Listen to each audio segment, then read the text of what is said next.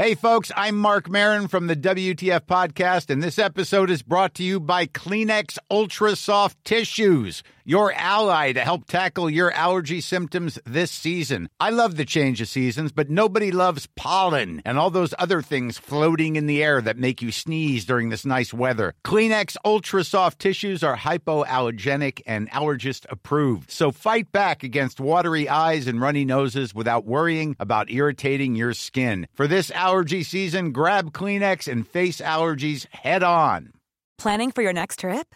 Elevate your travel style with Quince. Quince has all the jet setting essentials you'll want for your next getaway, like European linen, premium luggage options, buttery soft Italian leather bags, and so much more. And is all priced at 50 to 80% less than similar brands. Plus, Quince only works with factories that use safe and ethical manufacturing practices.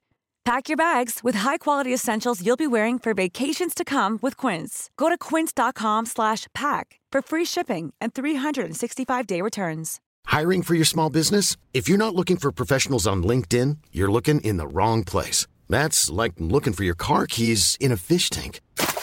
LinkedIn helps you hire professionals you can't find anywhere else, even those who aren't actively searching for a new job but might be open to the perfect role. In a given month, over 70% of LinkedIn users don't even visit other leading job sites. So start looking in the right place. With LinkedIn, you can hire professionals like a professional. Post your free job on linkedin.com slash people today.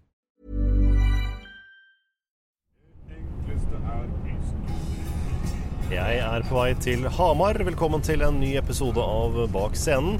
I dag skal jeg til Teater Innlandet. Jeg skal møte Jon Nyutstemo, som var en del av Tramteatret. Tramteatret hadde sin storhetstid mellom 1976 og 1986. Det ble mange intensive år. Ti plateutgivelser, seks helaftens revyer. Det ble fire TV-serier, en haug av radioprogrammer.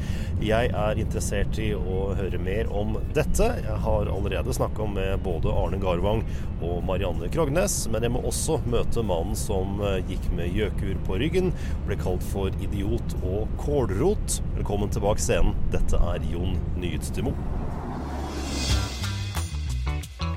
Jeg tror verden trengte Tramteatret, eller Norge og norsk politikk og det som samfunnet Norge var moden for, rett og slett. Det er ikke sikkert det hadde gått i det hele tatt i dag. Bak scenen. Velkommen til en ny episode av Bak scenen. Jeg heter Trond Harald Hansen, og i denne podkastserien får du bli med i kulissene på norsk showbiz-bransje når jeg møter kjente artister, skuespillere, programledere og produsenter. I dagens episode møter jeg Jon Nyutstemo. I dag har jeg tatt turen til Hamar, Teatret Innlandet. Velkommen til Bak scenen. Tusen takk skal du ha. Hvordan var det du fant din vei inn i teatret? Ja, altså jeg begynte min karriere, vil jeg si da, som teppetrekker på Gjøvik kino. Når eh, russen før jeg var russ sjøl, altså året før jeg var russ, så dro jeg teppet for Russrevyen. Russerevyen. Det, Det var der starta min karriere. Spede begynnelsen. Ja, da var jeg 18 år, da. Ja.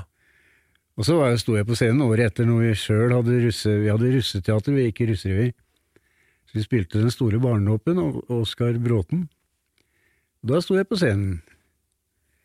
Så sånn begynte det. Og det endte med at jeg Man skulle jo til Oslo etter hvert, i hvert fall den gangen var det sånn. Og jeg begynte på teatervitenskap, for jeg syntes det var gøy med teater. Også, men om det om jeg var så interessert i selve vitenskapen, er jeg ikke sikker på, men eh, det var en unnskyldning for å dra til Oslo. Mm. Og det gjorde jo at jeg traff studentteatret i Oslo, da, på Chateau Neuf, for der eh, fakulteter lå der. Så jeg kom jo ganske fort inn i teatersammenheng i, i Oslo. De hadde du ikke treffet på Gjøvik, det var der du hadde oppveksten din. Ja, nei, altså jeg hadde noe litt yngre søstre som drev med barneteater og alt mulig sånt, men eh, ikke jeg. Jeg drev aldri med det på Gjøvik. Så jeg begynte da jeg var 18 år, ja, så begynte studentteater i Oslo da jeg var 19. Mm. Hvor er det den interessen etter å opptre, eller den teater- eller skuespillinteressen kommer, kommer fra? Er det noe som bare ligger der? Ja, nei, Latent? altså vi var jo en gjeng på Gjøvik som uh, fant på mye tull. Uh, gjorde spik og gjorde oss til, og fikk kjeft for det ofte, husker jeg, av de gutta som var litt sånn mer seriøse og politiske og sånn. At vi, vi, drev med så mye tull. Så, men så var det, altså hvis jeg skal Far min var musiker. Han fikk ikke lov til å bli det, leve av det, for det var den tida så var det, skulle du tjene penger. Mhm.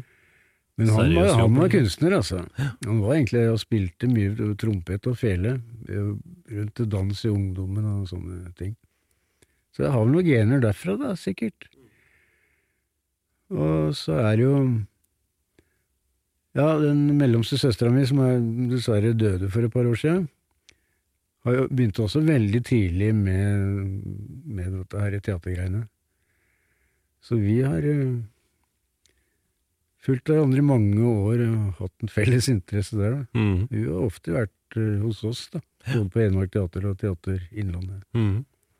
Men etter du da kom til Oslo og til studentteatret der, det er da ting begynner å, å skje. Du møter Arne Garvang, Ja. Terje Nordby. Da møter jeg hele den gjengen der, og det vil si, vi var vel en fem-seks stykker, tror jeg, fra studentteatret som danna Tramteatret. Ja.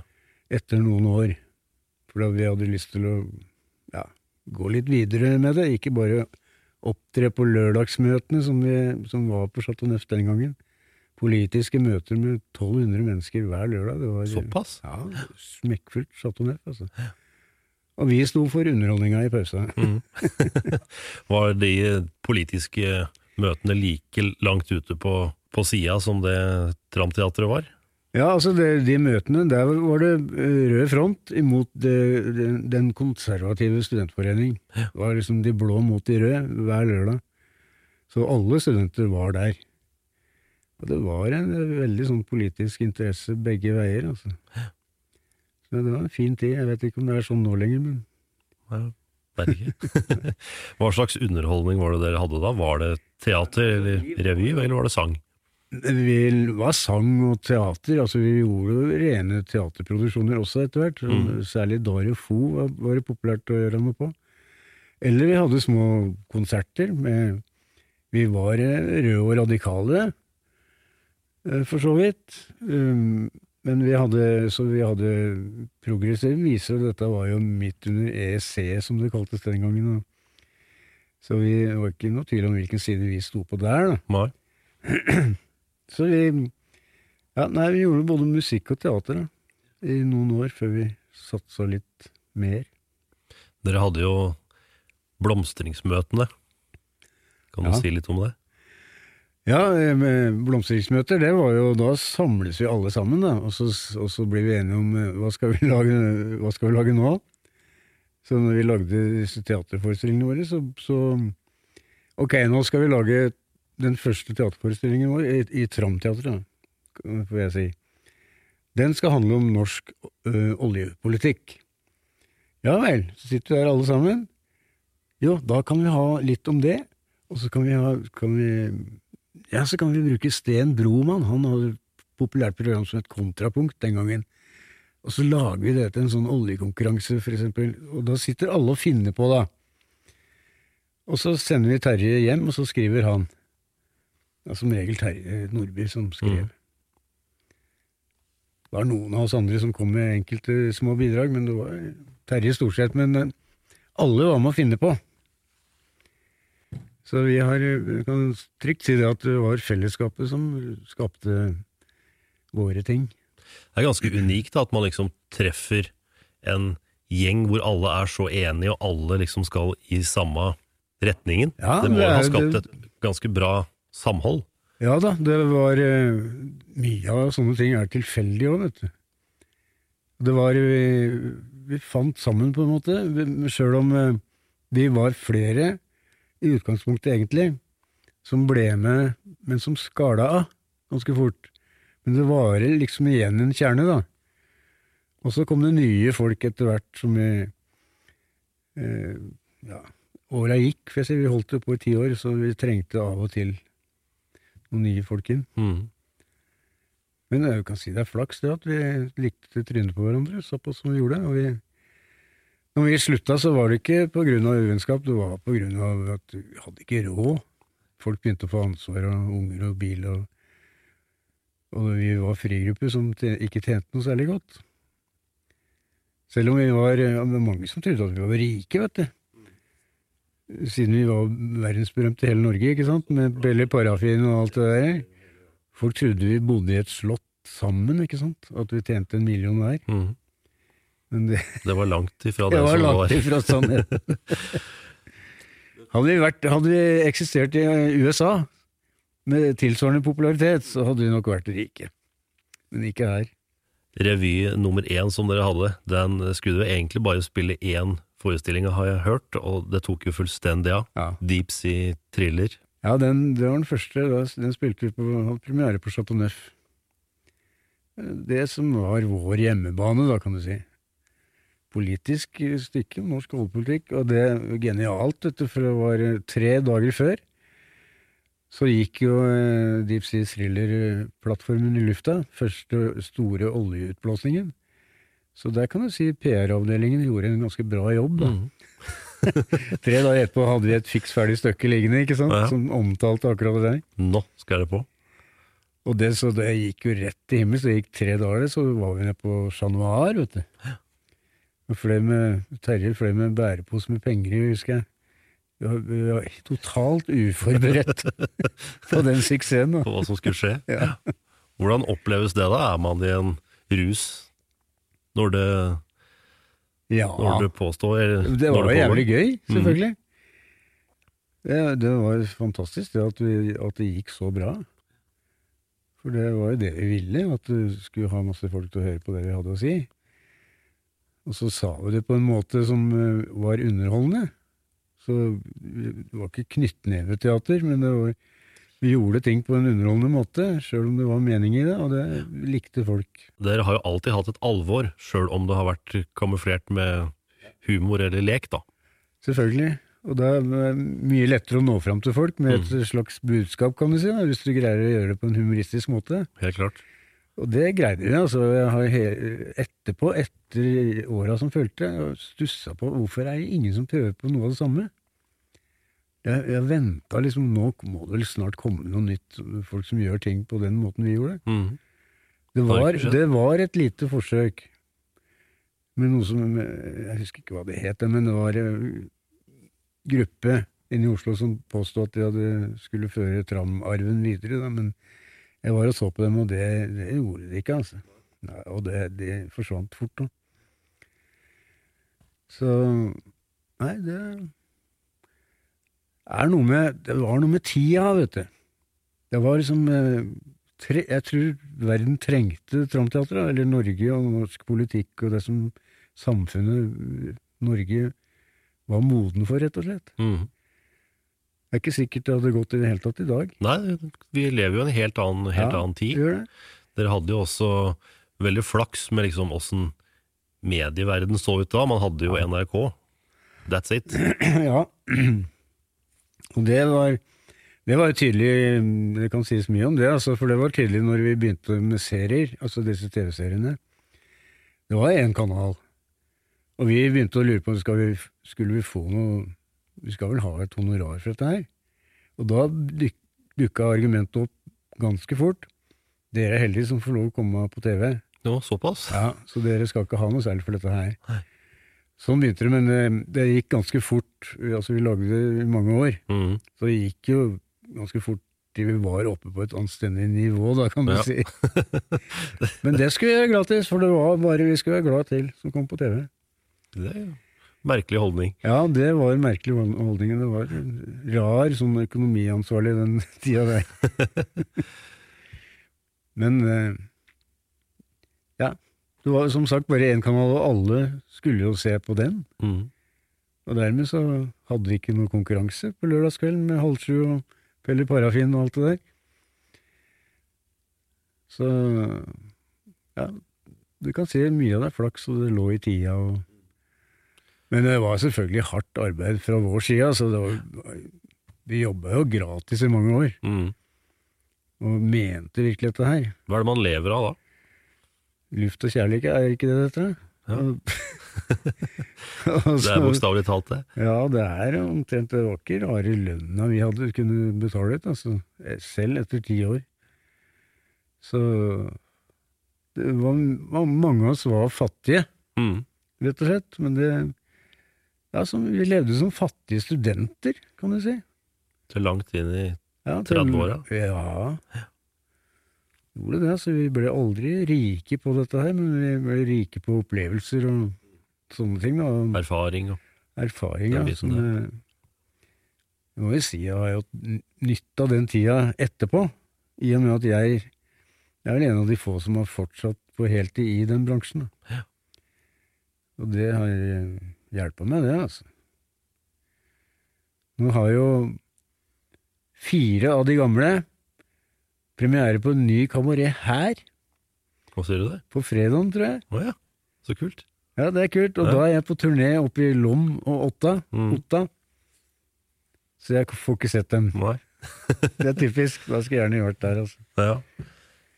Hvis vi går litt tilbake igjen da, til, eh, til før liksom Pelle Parafin. Dere får platekontrakt, dere gir ut LP-er. Hvordan skjer det? Oppsøker dere plateselskap, eller er det et eller annet Dere, var på plateselskapet Mai. Ja, Er det de som liksom skjønner at her er det et eller annet å ja det er det. vet du. For at vi, Mai var jo, tilhørte jo bevegelsen, kan du si. Mm. Den radikale bevegelsen. Så altså, vi kjente jo musikere på den tida, og artistene på den tida som var progressive. Og som hadde sitt progressive Mai plateselskap. Så det er klart, der skulle vi inn. Når det viste seg at vi var så suksessrike med det første stykket vårt. Og der var det masse musikk. Så det, der begynte platekarrieren. Og så ble det jo masse etter hvert. mm. Det- bryter etter hvert også med Mai. Ja, vi er, ja, vi er over på talent eh, ganske fort. Men jeg vet ikke helt hvorfor det. altså. Om det var eh, noe politisk bak, eller om det var økonomisk, eller hva det var. Jeg mener Arne sa det var et eller annet Han har sikkert greie på det. med økonomien. Ja. Ja. Med at uh, man skulle ikke komme og liksom tro at man skulle forlange mer sjøl om ting gikk bra. Jeg mener det var et, Ja, et, det kan jeg godt tenke meg. sånn han sa. For det var nok av eh, ørner som eh, så vår suksess, og ville sko seg på den. altså. Mm. Sånn er det jo alt, Sånn er det alltid, og sånn var det opp gjennom åra.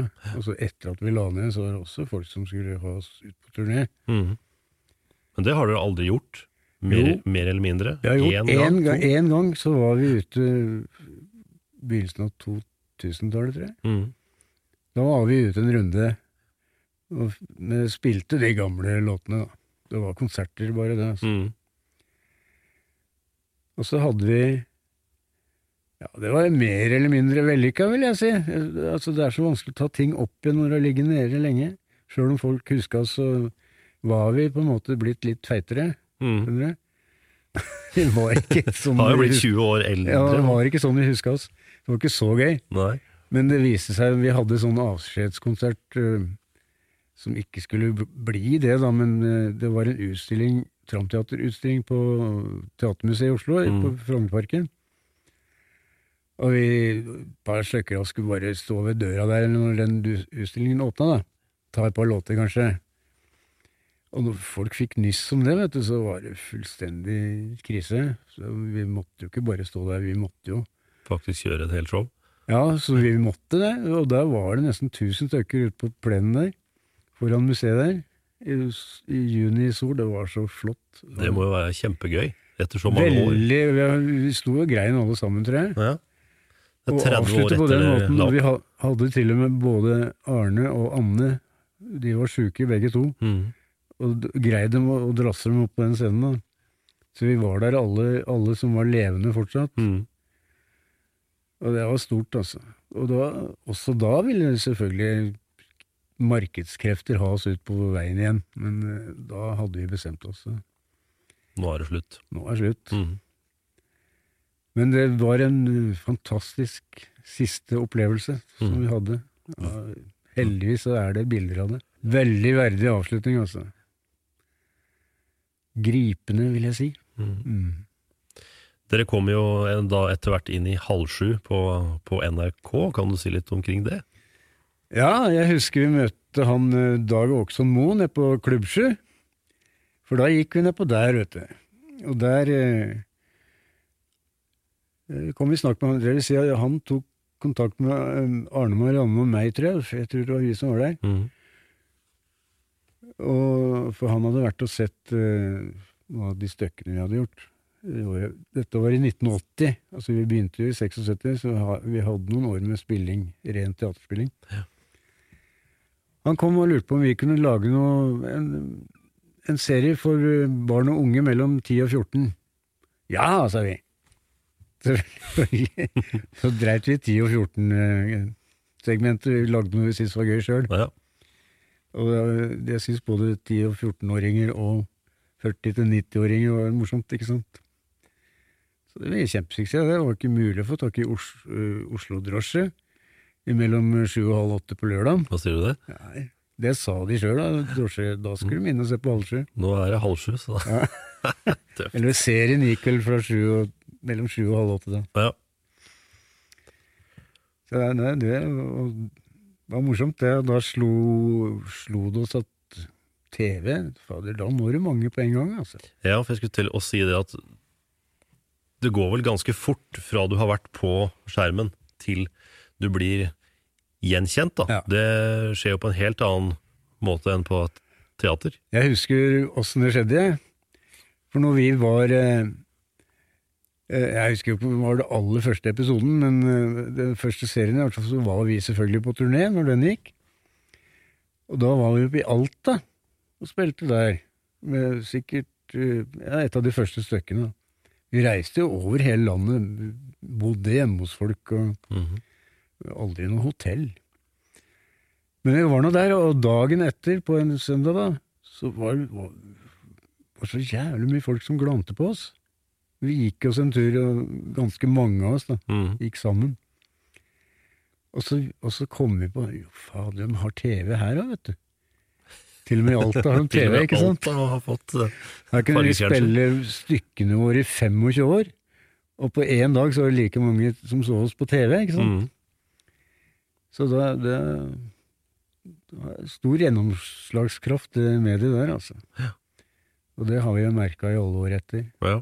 Du hadde jo en karakter som eh, gjerne fikk slengt etter seg både idiot og kålrot. Ronny, Ja, ja. hvordan var det du eller dere skapte han? Nei, da gikk vi Det var også nesten sånn blomstringsmøte. For da gikk vi i samla tropp, ikke helt samla tropp, men mange, i kostymeavdelingen på NRK, på fjernsynet, sammen med produsent Kalle Fyrst. Han har vært veldig sentralt i det Pelle Parafin-opplegget vi har hatt i alle år. Og jeg gikk og fant ting. Jeg fant, fant en lua til Ronny, gjøkur Det kunne vært artig om han hadde litt gjøkur Han var ikke sånn, men han hadde gjøkur på ryggen. Altså. Skinnklær, kanskje. ja. Litt sånn mørk skurk. Og så gikk vi og flippa på det, og så ble det det det ble da, på alle sammen. Fordi at vi hadde, jeg husker eh, Det var Arne som fortalte den gang at de hadde sittet på toget til Lillestrøm, og så hadde de eh, møtt noen punkere som hadde, kalt seg sånne rare navn. Gissepigg Pogo- Gisse Pigg og Ja, Gisse Pigg og Pogo Pupp og sånn, ikke sant? Og da var det veldig greit å begynne med Pelle Parafin og Sandra Salamander og alle de navnene, da, som også var sånne eh, tullenavn som de punkere hadde, da. og vi var jo ganske mye eldre enn dem, for vi Ja. begynte jo med dette her når vi var 25 år gamle. Mm. Så vi stjal, stjal, og så, og så hadde vi det moro. Det var det som var suksessen, altså. Det var ikke, ingen av oss var verdens beste skuespillere. Det var ikke det vi Men vi mente det vi gjorde, og vi tok den på sjarmen, for å si det sånn. Da. Det var ingen som var eh, høye på pæra, høytidelig på seg sjøl, liksom. Hvordan var det å gå fra scene til en TV-produksjon da? Man må jo spille på en helt annen måte. Man må ta ting kanskje litt mer ned. Ja, det har jeg fått kjeft for ofte siden, da. For jeg har vært med på begge deler hele tida. Jeg, jeg er med nå i neste sommer, Nå noe som går på TV Norge. Og jeg husker det første året jeg kom dit, da, så, var det, så sier regissøren, når jeg er litt for høyrøsta i en scene Du, det er ikke Tramteatret nå, altså. Tenkte ikke å ta i så fælt. Nei. Og den gangen i Tramteatret så vi had- brukte jeg aldri mikrofoner på scenen. Nei. Nå skal alle ha det nå. Hver en, minste lille produksjon så går det med sånn derre Mygg mygg, ja. Nebbe. Nei, det For det første hadde vi ikke råd til det. Men for det andre så er jeg Du kan prate ganske høyt, da. Hvis du står på scenen på Chat Noir og prater litt høyt, så er det ikke noe problem å nå hele Ikke noe salen. problem. Samme her. Mm. Altså, er, vi har ikke noe problem med det, men likevel så er det noen som absolutt Hvor er myggen? Særlig yngre folk, da. Det er vi gamlinger, vi er vant til å brøle. Vant på å prate med det Ja. nebben har sjøl. Ja. var det enkelt, eller holdt på å si, hvem var det som ville lage en serie nummer to? Var det NR, NRK? Life is full of what ifs. Some awesome, like what if AI could fold your laundry? And some, well, less awesome, like what if you have unexpected medical costs? United Healthcare can help get you covered with Health Protector Guard fixed indemnity insurance plans. They supplement your primary plan to help you manage out of pocket costs. No deductibles, no enrollment periods, and especially no more what ifs. Visit uh1.com to find the Health Protector Guard plan for you. I'm Sandra, and I'm just the professional your small business was looking for. But you didn't hire me because you didn't use LinkedIn jobs. LinkedIn has professionals you can't find anywhere else, including those who aren't actively looking for a new job but might be open to the perfect role, like me. In a given month, over 70% of LinkedIn users don't visit other leading job sites. So if you're not looking on LinkedIn, you'll miss out on great candidates like Sandra. Start hiring professionals like a professional. Post your free job on linkedin.com/people today. Og som så at dette her, dette gikk så bra at nå må vi ha Ja, mer. nå- Må vi Ja, det var nok det, altså. De så, det er sånn det er, vet du. Hvis det er noe som er populært, så må vi ta det litt videre. I våre dager så er det reklameinntekter som kanskje kan gjøre det, at så mange ser på. Men den gangen så, ja, så ville NRK ha mer. Men vi gjorde en, en serie også som ikke var Pelle Parafin i det hele tatt. Babylivet. Baby, Hemmeligheten i baby. Den ble sendt bare én gang, da. Ja, den, det var bare én ett år også. Mhm. Mens, mens de andre Pelle Parafin, det var fire-fem ganger, tror jeg. Det er jo en veldig annerledes serie, en veldig Ja. mørk Ja. serie som handler om narkotika. Skulle vel liksom være litt seriøse da, skjønner du. Ja. Men, eh, og det er eh, Ja, man opplever så mye rart. For at eh, jeg har jo reist rundt etter Pelle Parafin-greiene og alt det seriene. Så møter du folk da som Kommer kom ei dame, en voksen dame bort til meg på Tynset, husker jeg et år, og sa Du får ikke sove på grunn av det, jeg. Hæ? I hvert fall, jeg fikk ikke sove på grunn av det. Nei. For når hun, hun var lita jente, så så hun på eh, så jeg på Randi Ron som drev og Da var jeg veldig lita, da. Som drev og gravde noen tunnel og sånn, ikke sant? Mm. Skurkestreker. Og også seinere, altså ikke samme dama, men, eh, men jeg var jo eh, Jeg var en narkoman. Mhm. spilte sånne, Trykte inn noen sånne kuler i. Jeg var langt nede, for å si det sånn. Ja. Hadde den rollen, da. Krøssus. Krøssus, ja. ja. Fantastisk. Og så var det han som var skurken, eh, han som spilte Audun Automat, men han het, het noe annet, tror jeg, i babylivet. Det må han ha gjort. Men han var skurken, og han drev med noe spindelvev og sånn nede i en kjeller, ikke sant. Mm. Og det der var det mange som syntes var skummelt, altså. Ordentlig skummelt. Kan skremme noen av hver, det. Ja, det skremte i hvert fall mange unger. Og så satt og så på halvsju Mhm. og sånn, de, vet du. Men jeg syns kanskje det egentlig er den fineste serien, ja, da. Ja, den er annerledes, Mm. men den er seriøs, som du sier. Og jeg, jeg syns ikke vi dreit oss ut der, altså. Nei. Syns ikke det. Så jeg syns også den var fin. Jeg, har ikke, jeg- jeg så igjen for mange år siden, så så jeg igjen den første serien. Og bortsett fra sånn eh, litt eh, film den gangen, det var ikke video. Nei. Bortsett fra litt sånn dårlig kvalitet sånn teknisk, så var det ganske morsomt. Mm. Faktisk ganske morsomt. Det eh, holdt seg, altså. Nå ligger jo alt ute på arkivet til NRK. Ja ja, nå, har jeg, nå får jeg Nå har du muligheten. nå, Ja, og jeg får slengt dette med hvor, hva, hva folk har sett, da. Ja. Hører du det enda, eller? Idiot og Ja, ja, kålrot ja. og Og så er det og særlig hvis du er på en bar eller pub eller sånn, folk blir litt modige, så sier de idiot, og så tror de at de er det første som sier det. Oh, ja. At jeg aldri har hørt det. Og så ett spørsmål til. Hvor har du gjort av gjøkuret? Nå var jeg morsom nå, ikke sant? Jeg, jeg spurte Ronny hvor har jeg gjort av gjøkuret. Jeg har hørt det sånn ca. to millioner ganger. Oh. Det er ganske morsomt. Jeg må fortelle en liten eh, sånn Ronny-episode. Jeg var på, teaterturné med Hedmarkteatret en gang, på Trysil. Og så var det påsketider, så vi satt og spiste noe pizza før vi skulle gå på. Og der i baren der, på den eh, puben, så satt det tre gutter med sånne Ronny-lur, vet du. På rad og rekke der og drakk øl klokka elleve på formiddagen. Og så satte vi oss ja, to meter unna, tenker jeg. Og de satt med ryggen til, da, men så var det jo en som uheldigvis snudde på huet, da. For jeg, jeg satt der, jeg sa ikke noe, jeg. Skulle bare se hva som skjedde. Det var ganske morsomt. Så han snur og får øye, så fikk han øye på meg, og så ser du De blir bare så stikker i huene sammen, og så ser alle tre sånn veldig diskré prøver å få av seg den Og så sniker de seg ut, men så er en av dem som snur i døra, da, Mm. kommer tilbake. Ja, det er deg, ikke sant? Han måtte liksom Bare få bekrefta den. ja, Det få bekrefta det, ja. Ja, så det var Jeg hadde fått tak i Det var noen som drev og lagde de luene, da, sikkert. Ja, ja. De har også fått tilsendt et tekst helt fra en ukjent person. Mm.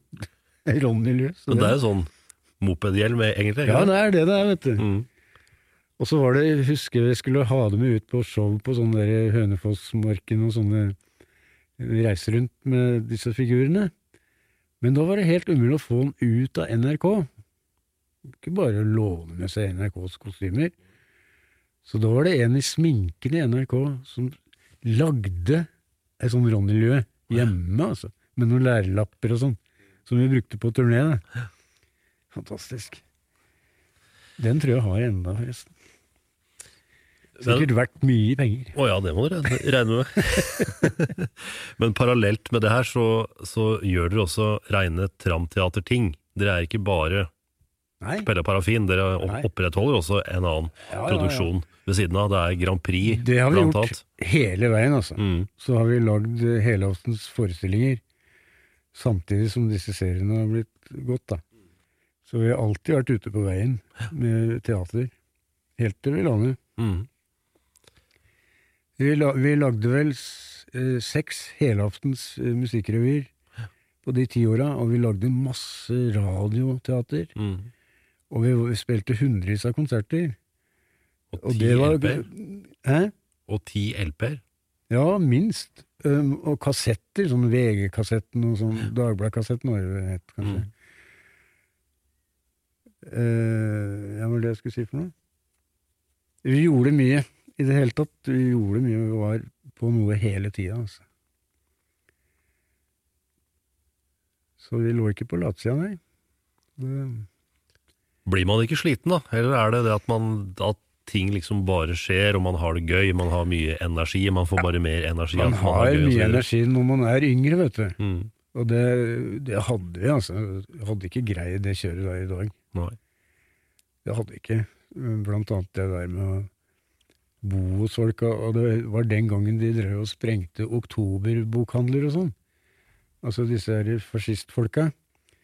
Og da fikk vi tilbud. Vi kan bo i eh, oktoberbokhandelen deres. Så jeg bodde i oktoberbokhandelen i Tromsø, oh, ja. som var utsatt for bombetrussel. Og det, jeg tror den brant ned like etterpå. Da lå vi der, altså to stykker fra Tramteatret lå der, da. Hørtes trygt ut. Nei, det, jeg tror ikke det var særlig trygt. Men øh, og så skulle jeg gjort det i dag, så hadde det blitt gærent, tror jeg. Mm. Så jeg hadde ikke godtatt noe sånt. Nei. Så Nei, vi gjorde mye gratis, rett og slett, for å kunne fortsette. Mm. Men etter at disse seriene kom på TV, ble liksom etters etterspørselen etter sånne her Martens-oppdrag og sånn større? Ja. Det var mye Pelle Parafin-konserter, altså. Og da fletta vi også inn en del eh, gode tramlåter Mm. som vi hadde brukt i forestillinger, som ikke var Pelle Parafin i det hele tatt. Så det er mye fin musikk, vet du. Mm, Vi- Gutta lagde mye fin musikk, altså. Så vi var ettertrakta på sånne messer og sånn, da, om sommeren. Mm. Så vi reiste rundt overalt og spilte. Det var det vi levde av. For da fikk vi litt betalt, da. Ja, det er greit, det òg. Det var greit, det, for vi tjente ikke noe på det andre. Så rart, egentlig. Ja, det er eh, Sjøl om vi, vi solgte jo Vi fikk jo sølvplate for ei plate, tror jeg, men vi tjente jo ikke noe på det. Men det gikk jo Altså, det solgte jo bra. Musikken vår solgte bra. Og disse her eh, Vi solgte jo disse seriene etter hvert òg, Mm. på sånn kassett. Og nå ligger jo alt på eh, NRK sine sider, liksom. Ja. En stund, i hvert fall. Mm. Der ligger også en serie som eh, kan jeg godt nevne. Det kom en kollega til meg en dag, og så sa han er ikke dette, Så viste han en sånn filmsnutt på telefonen sin. Er ikke dette deg, ja? Jo, det må jo være meg. Så var det en serie som het Alke, Ja, det var jeg jeg- innom og så på. som jeg ikke husker at jeg har vært med på. Å nei, Så det var fortrengt fullstendig. altså. Jeg husker virkelig ikke. altså. Yes. Det var jo med Carl Sundby Ja, Karl og Sundby og Marianne, Marianne- Marianne var med. Fikk jeg se, da. ja, da, altså, jeg var helt eh, blank. Det var så merkelig følelse. Men det skjedde, skjedde jo mye i den tida, da. Både etter, mens vi holdt på med Tramteater, og like etterpå. Altså, vi var med på masse forskjellige ting Ja. med andre folk. Mm. Så det var nok en, en av dem, da. Det var et par dager med noe alke, da. Men dere, dere gir dere i 86. Da har dere Ja. sendt uh, siste serie om uh, Pelle Parafin, Randi og Ronnys restaurant. Ja, da skiltes vi som venner. Mm. Var det en Var det en, liksom en konsekvens at alle liksom nå er, det, nå er det bra, eller ville noen holde på enda, eller åssen foregikk Nei, det? vi Liksom? var egentlig ganske enige, tror jeg, og skjønte at uh, dette kom til å bli hardt hvis vi skulle fortsette. Mm. Som jeg nevnte, at vi må, måtte ha penger for å leve, rett og slett. Fordi Mm. folk hadde hus og sånn, vet du. Unger, da. Mm. Du kan ikke, altså Jeg hadde med ungen min jeg, på, i turnébil. Det holder jo ikke i lengden, det. Nei. Altså i en sånn skoeske på dashbordet. Mm. Så nei, det, vi var blitt voksne.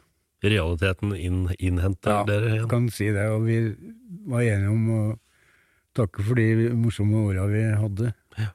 Og så slutta vi Bestemte oss for det, altså på et møte. Mm. Og med alle sammen. Nå slutter vi. Men dere sa ingenting. Dere holdt en avskjedskonsert, avskjedskonsert uten at noen egentlig ante det, og når den var over, så var det takk for oss. Ja, det var på Aker Brygge. Mm. Det det var det jeg som sa. Mm. Takk for oss. og Det var siste replikken fra offisielt fra Tramteatret. Nei, vi gjorde ikke noe nummer ut av det. Altså. Det hadde sikkert vært litt flere folk der, kanskje. Nei, men det er det, vet du. Vi har aldri liksom stikket oss fram og trodd at vi har vært noe, på en måte. Nei. Og det, vi har jo driti oss ut litt på det, da, for at eh, vi visste jo ikke hvor populære vi var, egentlig. For det, eh, når det gjelder honorarer fra NRK og sånn, så hadde de greid å betale ut noe sånn som at eh, vi aldri skulle få noen reprisehonorar. Det hadde vært kjørt repriser utallige ganger vet du, på Mm. alt dette der. Så vi kunne, kunne nok dratt litt penger etterpå, etter at vi hadde Mm. lagt ned på disse seriene, blant annet. Men eh, der Vi slutta med gjeld, tror jeg. På 300 000 eller noe sånt. Vi hadde gjeld. Men det ble vel på en eller annen måte ettergitt, da. Mm. Så Nei, vi var enige om at det var ti fine år. Mm. La oss være glad for at vi hadde dem. Og vi har, det ligger igjen mye fint etter oss. Ja, absolutt. Så er det greit òg å kanskje gi seg på topp før Ja. det går Ja. nedover, og så bare blir det en sånn stusslig avslutning. Ja, og jeg syns jeg så litt sånn tendens til det på det siste stykket vårt.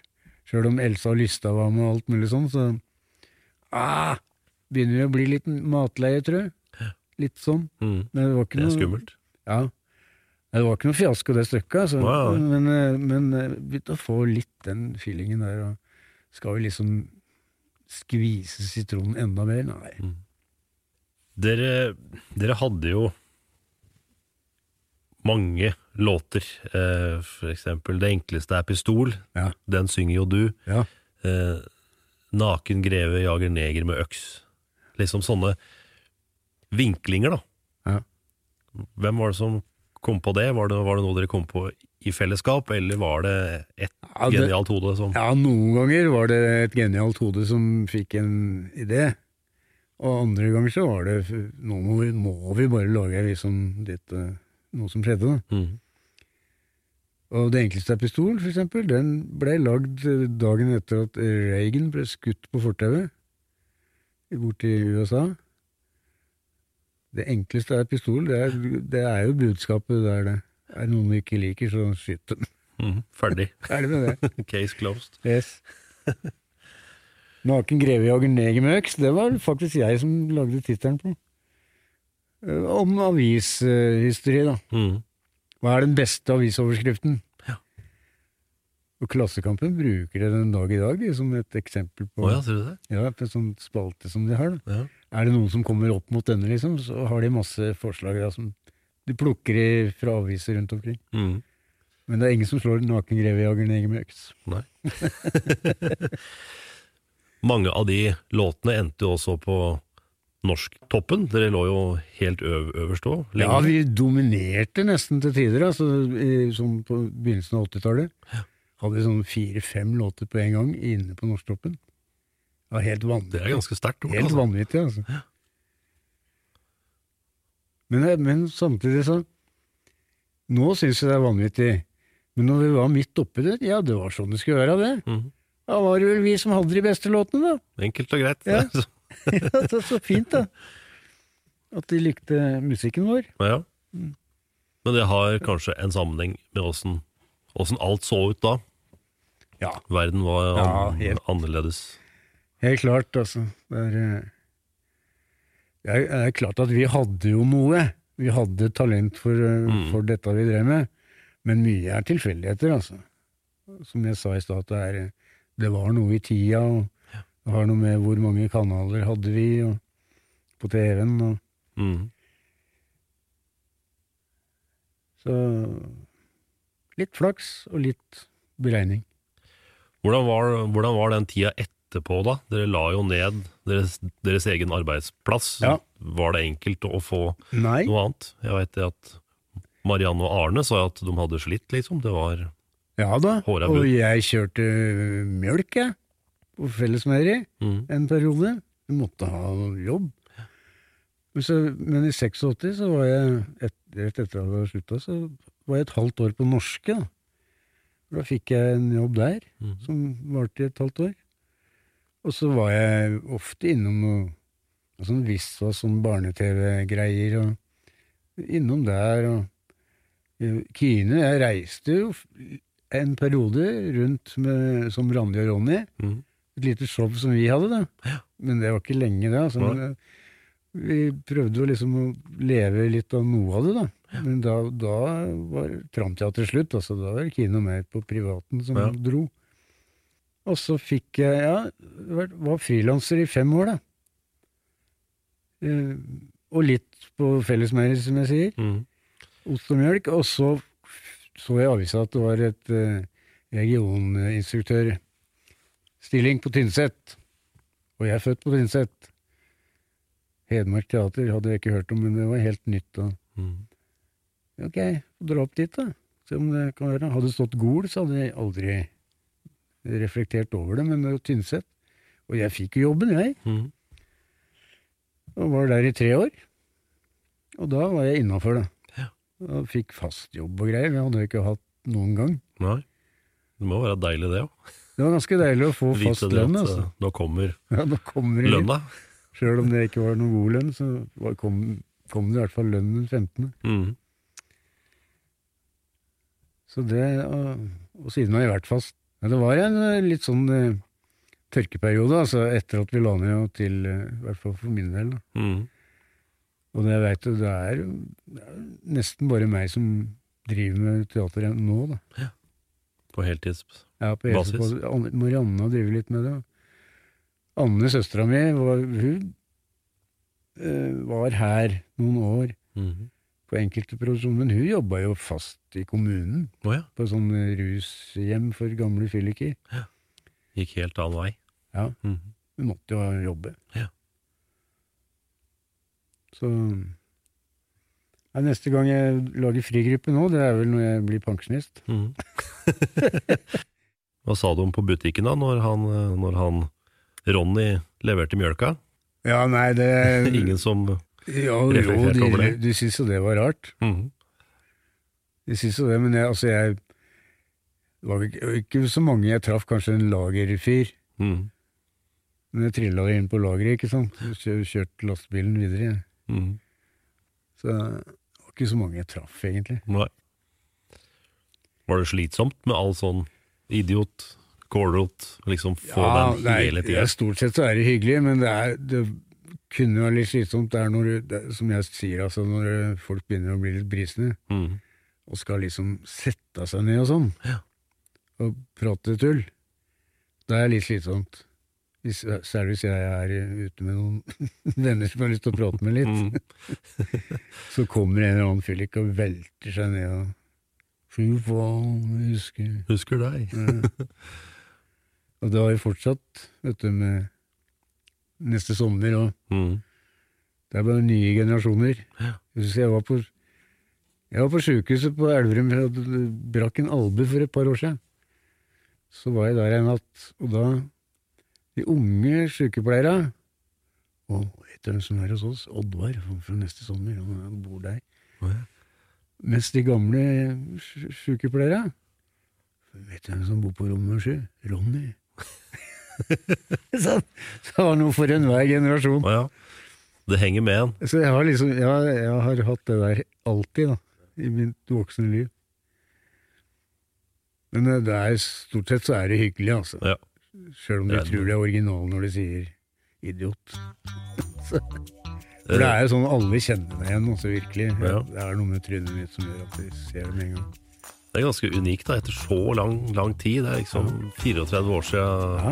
siste serie var ferdig. Ja, altså, men det er nesten daglig, vet du. Mm. Men ikke, ikke unge folk og unger, da. De har ikke hørt om Ronny. Nei. Det, det er de som er 50 som har hørt om Ronny. Mm. Sånn er det. Sånn er Alt det. er forgjengelig, og tida går. Ja. Du, dette syns jeg var utrolig hyggelig. Takk for, at du fikk jeg like måte. Takk for at jeg fikk ta turen hit. Det har vært en glede.